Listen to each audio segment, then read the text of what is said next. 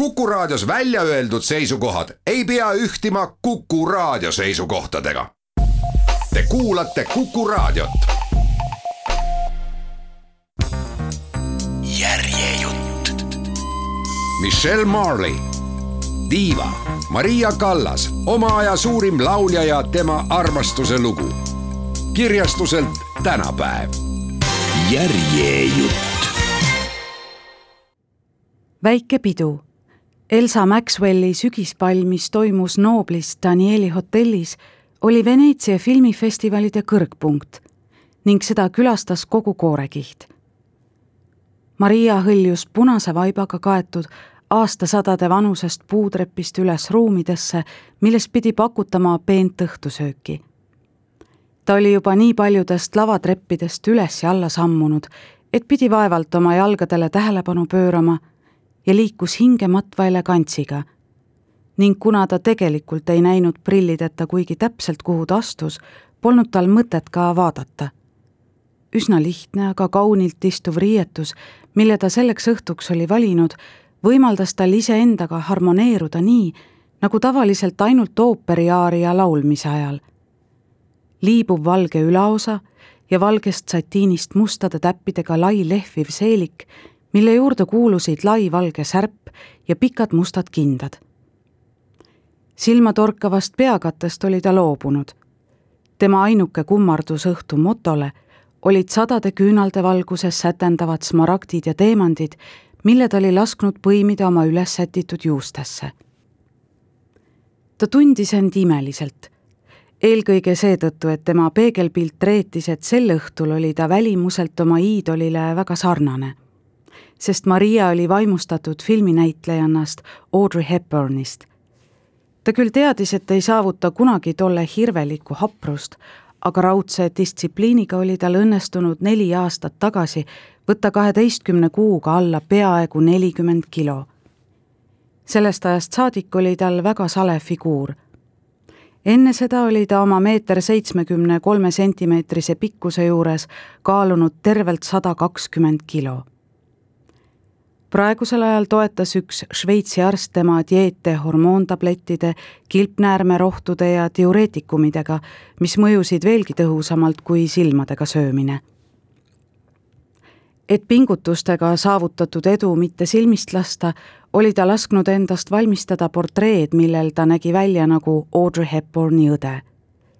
kui ta neid fotosid silmitses, valdas teda varem tundmatu õnnetunne esimest korda elus tundis Maria end oma kehas hästi.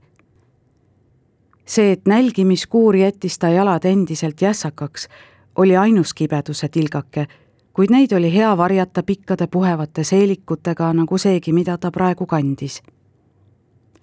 ta langetas suursuguselt pea, tervitas, naeratas. külalised kogunesid tema ümber, püüdes võita tema tähelepanu. sisenenud oli diiva mees tema kõrval võttis ühe kelneri kandikult šampanjapokaali ja ulatas selle Mariale. sa tahad kindlasti klaasist kinni hoida, sõnas Giovanni Battista Menegini heatahtlikult. ta teadis paremini kui keegi teine, kuidas Maria oma sügaval sisimas peituvast häbelikkusest üle saab, sest naine ei joonud sama hästi kui mitte kunagi. Menegini oli olnud kümme aastat tema mänedžer kaheksa aastat abikaasa.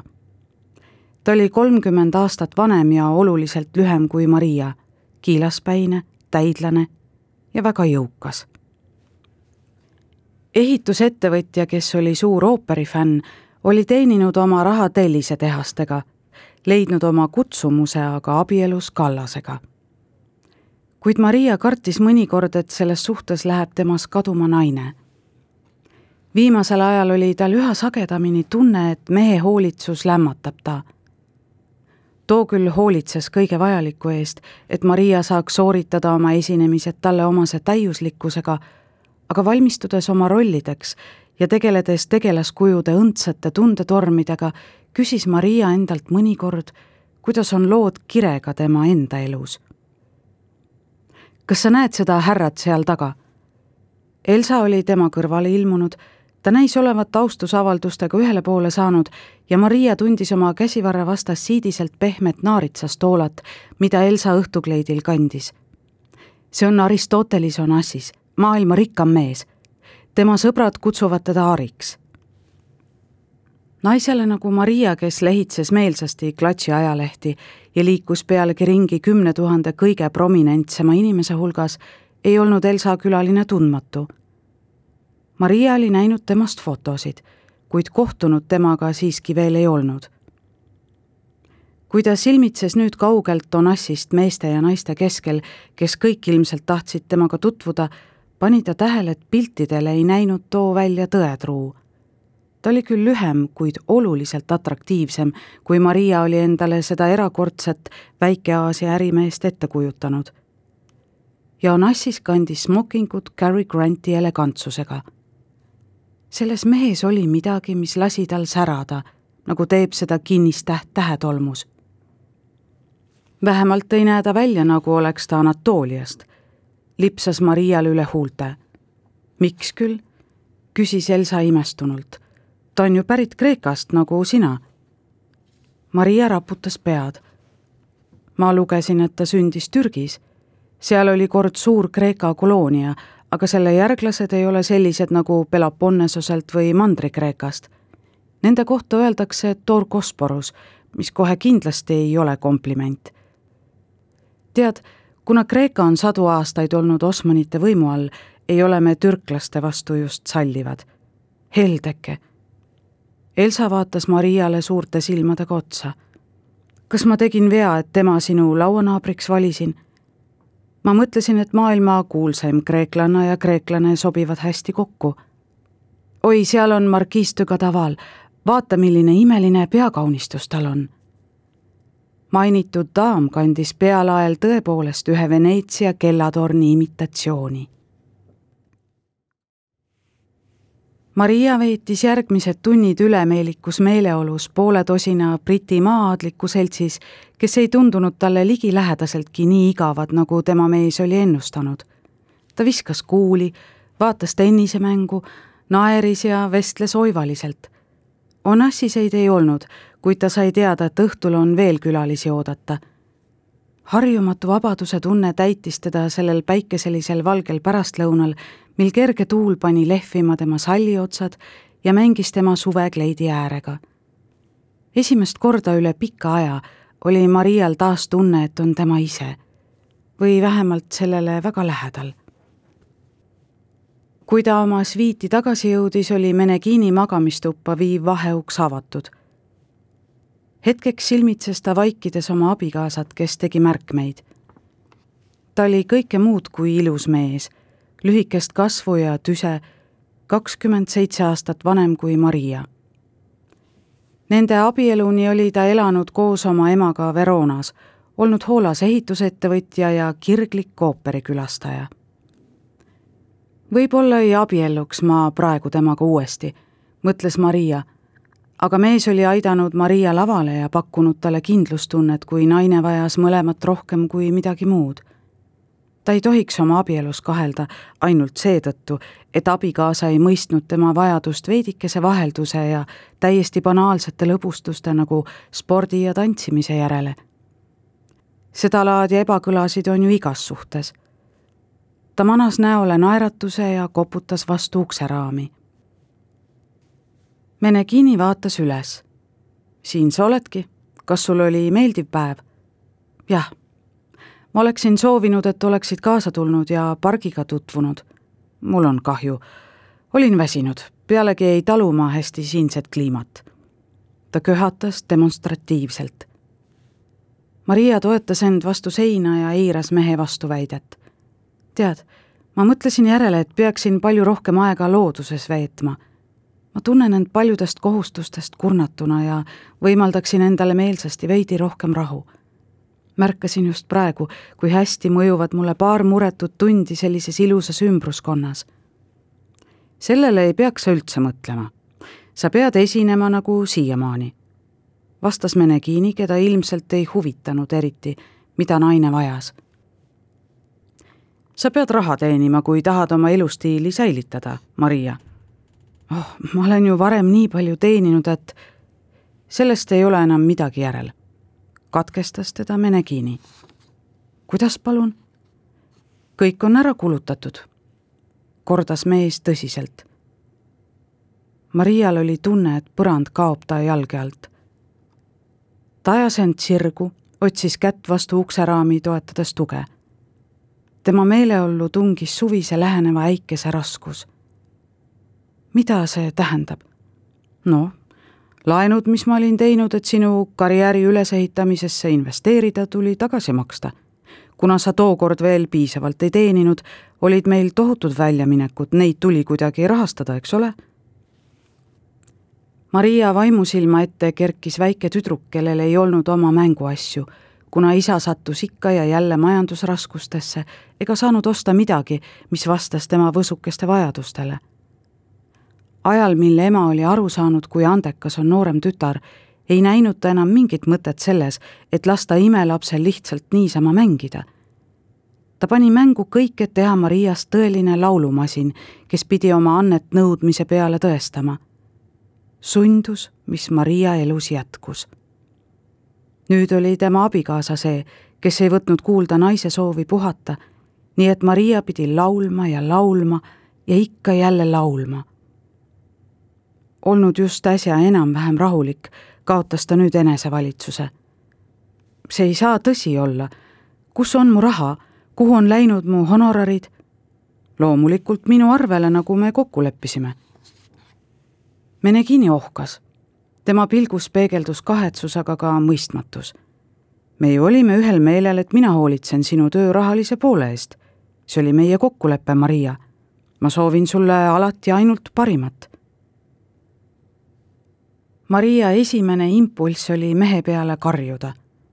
viha endast lihtsalt välja lasta, nagu ta seda ikka tegi, kui talle miski ei sobinud. kuid ta hammustas endale huulde. talle sai järsku selgeks, et pidi käituma targalt, kaalutletult. selle asemel, et puhkevale paanikale järele anda ja paisata Meneginile näkku, et soovib end edaspidi oma finantsolukorraga kursis hoida mõtles ta oma peas imestusväärselt rahulikult läbi järgmised kohustused. pärast esinemist Londonis sõidab ta Amsterdami Hollandi festivalile, seejärel Belgiasse. ta peab hoolitsema selle eest, et mehel ei oleks tema honoraridele enam juurdepääsu. ta peab midagi välja mõtlema, et takistada mehel käia tema sissetulekutega ringi nii, nagu too heaks arvab ta pani tähele, et mees muutus tema vaikides närviliseks. Menegini sõrmed trummeldasid märkmikul. kas ta märkis sinna naise sissetulekud ja väljaminekud? Maria ei olnud teda kunagi kontrollinud, mitte kordagi küsinud, mida too tema rahaga tegi. tegelikult oli ta seda, mis mees oli nende ühisesse ellu ja naise karjääri investeerinud, isegi mehe varaks pidanud, igatahes algul tookord, kui nad tutvusid ja Meneginist sai Maria mänedžer. ta ei olnud sõna otseses mõttes arvestanud sellega, et mees pidi rahastamiseks mingeid laene võtma. villa Milanos, maja Sirmiones, kellele kuulus tema kodu?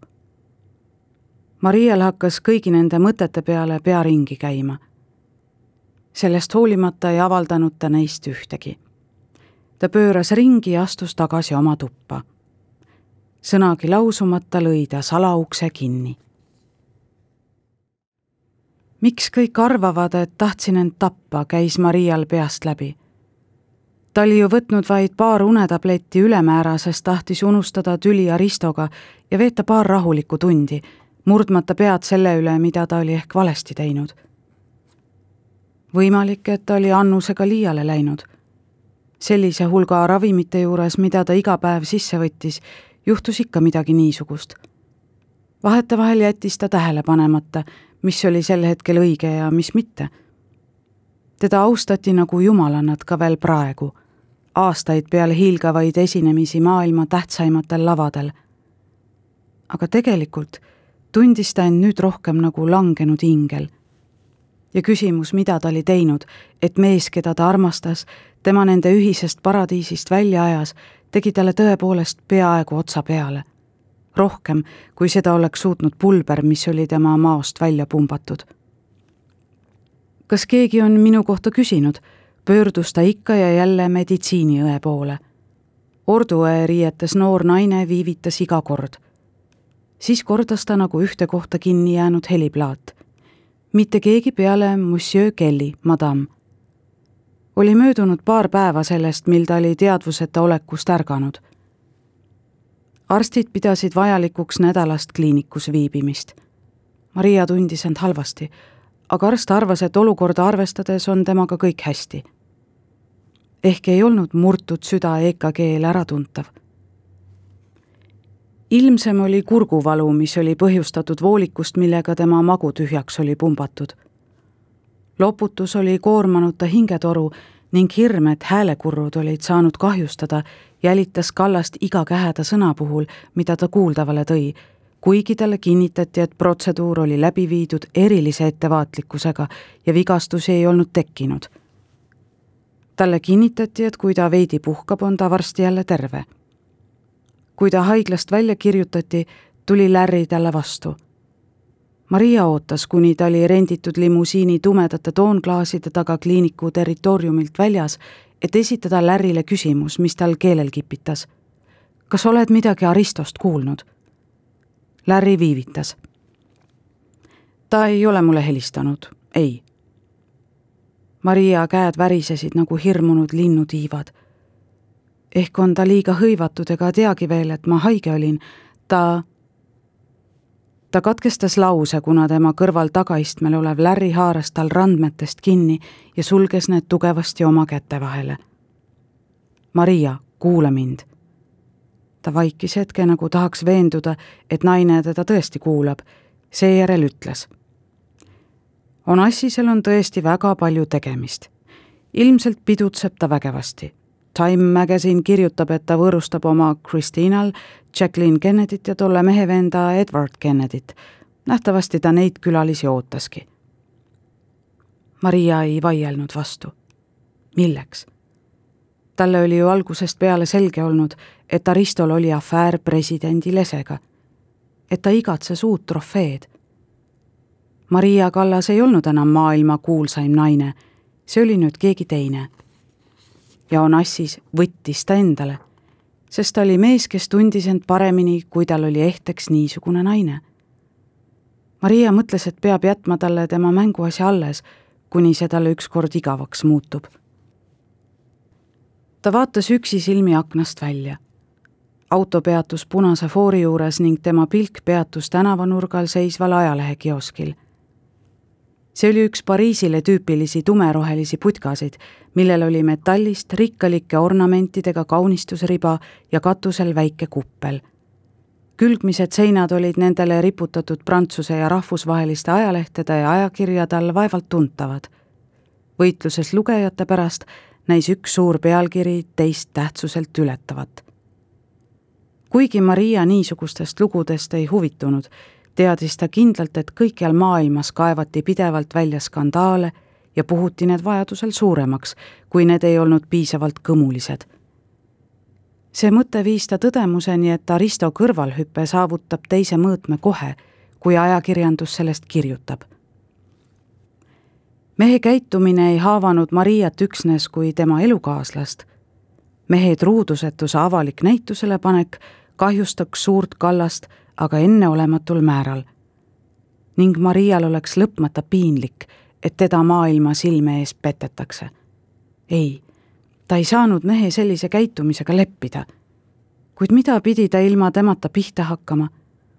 Aristotelise Onassis oli tema elu, tema oma, mitte proua Kennedy oma ta vabastas end Larry samaaegselt õrnast kui ka visast haardest ja asetas käed sülle Aristo võtab ühendust niipea, kui leiab aega, ütles ta kähedalt, enne kui huuled kindlameelselt kokku surus. ta tahtis nii väga oma sõnu uskuda. üks sisemine hääl ütles talle küll, et armastatu ei helista. aga niipea, kui ta oli oma lootuse sõnadesse pannud, kõlas see juba veidi tõemeelsemalt kui ainult tema igatsevates mõtetes. jah, kindlasti, pomises Larry Maria oli sõbrale tänulik, et too vastu ei vaielnud. oma korterisse jõudnud tundis Maria järsku jäist tühjust. Bruna oli küll palju vaeva näinud ja igasse tuppa tema vastuvõtuks lilled pannud, kuid hoolimata Pariisis valitsevast augustikuisest palavusest oli Marial külm. võtnud oma hapra keha ümbert kätega kinni, kõndis ta ringi ja soovis tegelikult ainult voodisse, üle pea teki alla. Kuid vabastavaks sügavaks uneks vajas ta tablette. ja tõenäosus, et ta võtab jälle liiga suure annuse, oli küllaltki suur jõudnud oma sviiti, võttis Maria kõigepealt kingad jalast, viskas ajalehe tugitoolile ja istus tualettlaua taha, et kõrvarõngaid ja teisi ehteid ära võtta. sellal, kui ta kinnituste kallal askeldas, tungis läbi akna temani New Yorgi mitte kunagi vaibuva liikluse vaikne müra. esimest korda pärast Ameerikasse sõitu tundis ta endast ärkamas koduigatsust sisse lülitatud lampide valgus lasi juveelidel sätendada sametisel viitbošil, millesse ta need pannud oli. ta mõtles, kas ta peaks selle imeilusa väärisehte ostma, otsustas aga siiski, nagu kokku lepitud, Harry Winstonile tagastada. ta ei tahtnud riputada oma südant millegi külge, mis peaks ehk homme mõnda teist naist kaunistama. sellest oli tal juba küllalt kui ta lõpuks oli riidest lahti võtnud, meigi eemaldanud ja öösärgi selga pannud, võttis ta New York Posti ja jõllitas järsku fotot, mida ta esiti lehe alumises osas ei olnud märganud. ta kohendas prille, aga kahtlust ei olnud. smokingis Aristo naeratas uhkelt kaamerasse, tema kõrval särav õhtukleidis Jacqueline Kennedy. Maria laskus aeglaselt istukile ajaleht tugevasti käes. tal ei olnud kerge lugeda foto all, mille näol oli ilmselt tegemist mõne kõmupiltniku momentülesvõttega olevat lühikest teksti. kuid ta oli liiga uudishimulik, et lehte lihtsalt kõrvale panna.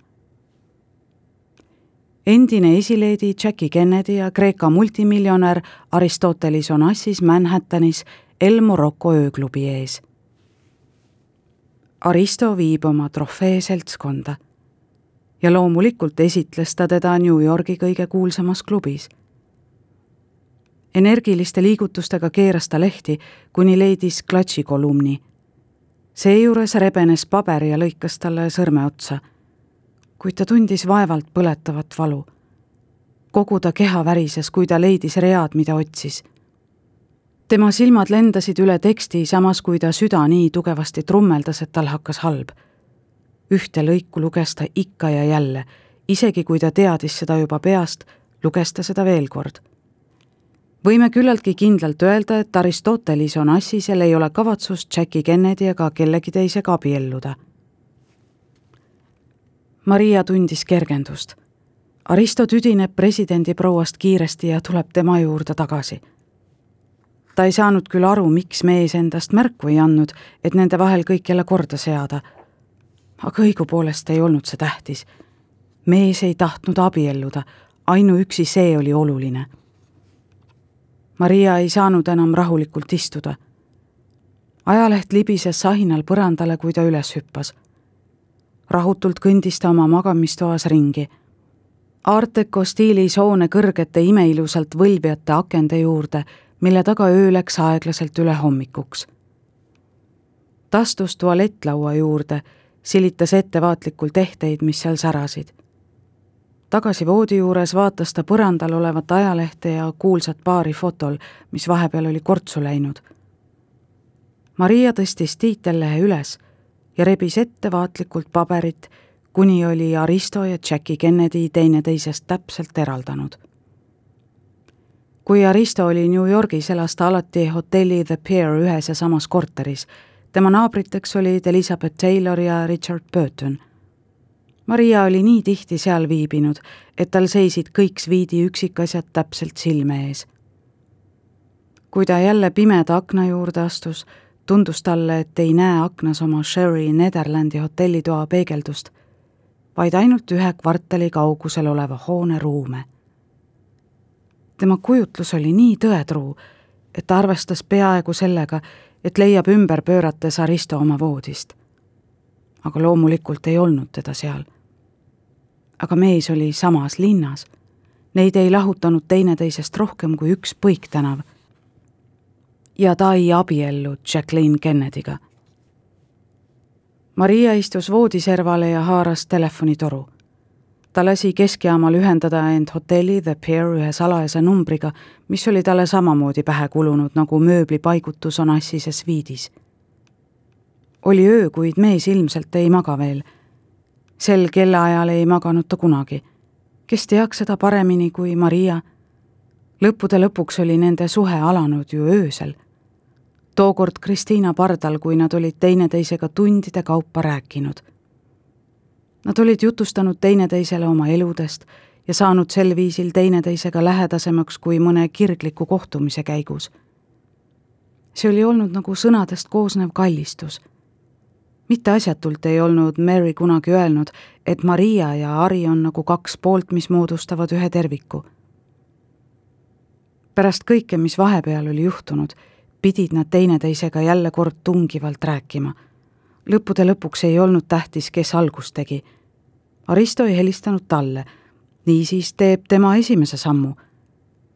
see haletsusväärne loba uhkusest pärines niikuinii inimestelt, kellel polnud armastusest õrna aimugi. jah, see oli ainult üks silp, aga loomulikult tundis Maria mehe hääle kohe ära, kui väga oli ta selle kõla igatsenud. See olen mina, Maria.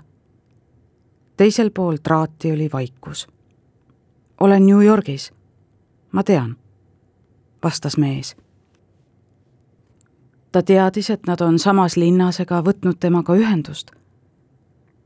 Maria tundis, kuidas kivi, mis tema kurku pigistas, makku vajus. ta hingas sügavalt sisse.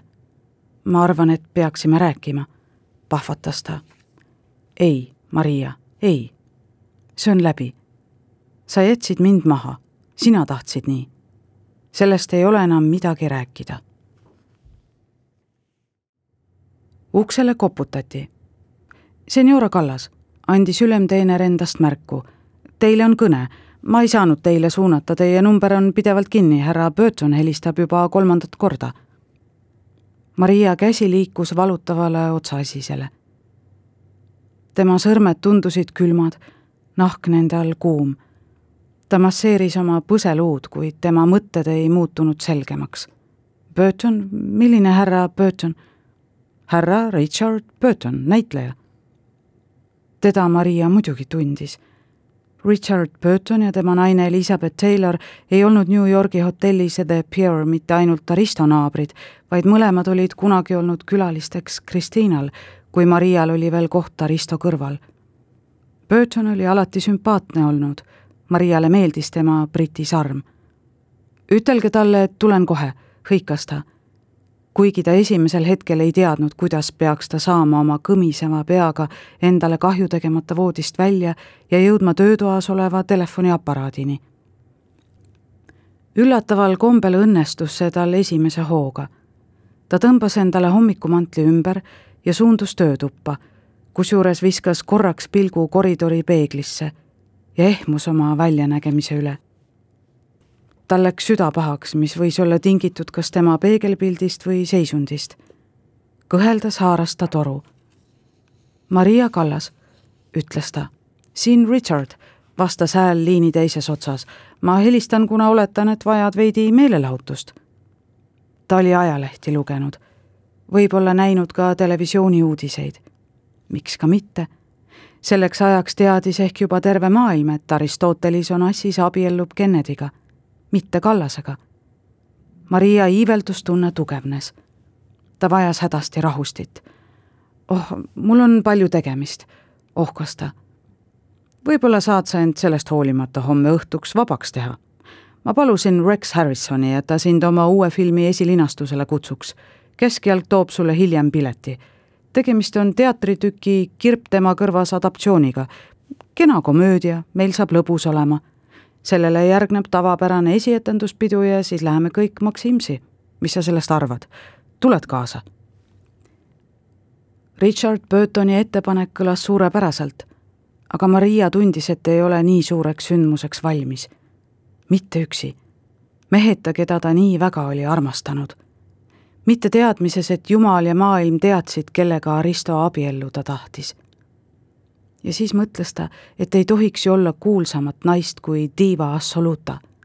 jah, ma, jätkas ta ebakindlalt.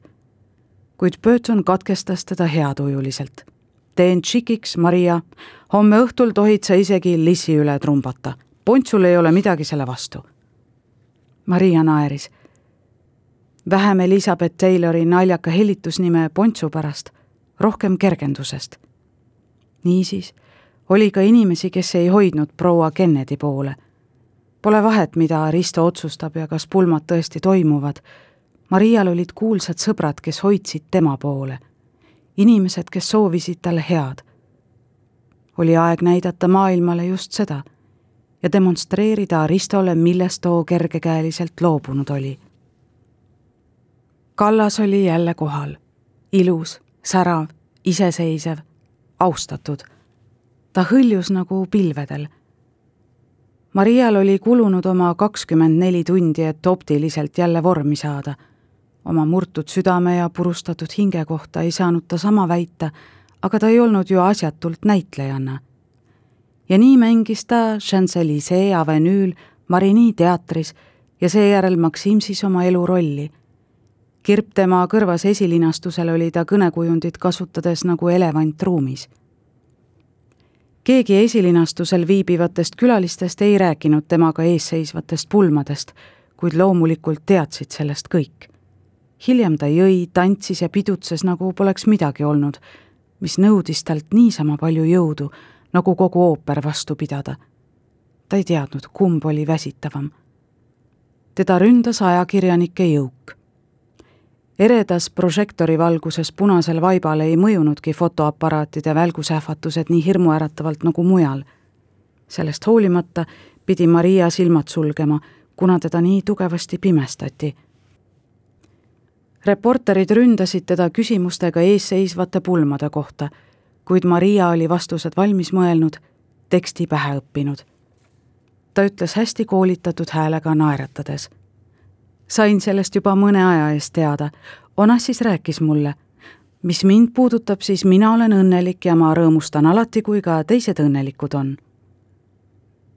nüüdseks ei uskunud ta enam neisse pulmadesse Aristo oli kõlanud telefonis nii meeleheitlikult ja samas ka otsustavalt, et Maria oli kindel, et mees ütleb laulatusest ära. Kogu üheksakümne minuti jooksul, mil ta rahuneda sai, küsis ta endalt, kuidas ta reageerib, kui Aristo peaks uuesti helistama. ja teadis vastust juba ammu. hoolimata kõigest, mis oli juhtunud. Maria armastas teda. ta andestab mehele ja mida kauem ta sellele mõtles, seda tugevamini ta lootis. ülejäänud õhtust sai Kallase jaoks, ilma et ta oleks eriti pingutama pidanud, tormiline pidu. Kaks päeva hiljem ilmusid pildid temast maailma ajakirjanduses. ja päev pärast seda võis veelgi silmatorkavama paigutusega näha ülesvõtteid Jacqueline Kennedyst ja Aristoteles Onassisest, kui nad Skorpiose saarel asuvast kabelist värske abielupaarina väljusid.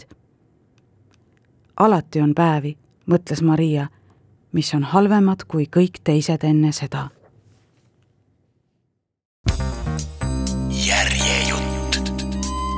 Michelle Marley, diiva Maria Kallas, oma aja suurim laulja ja tema armastuse lugu. kirjastuselt tänapäev. järjejutt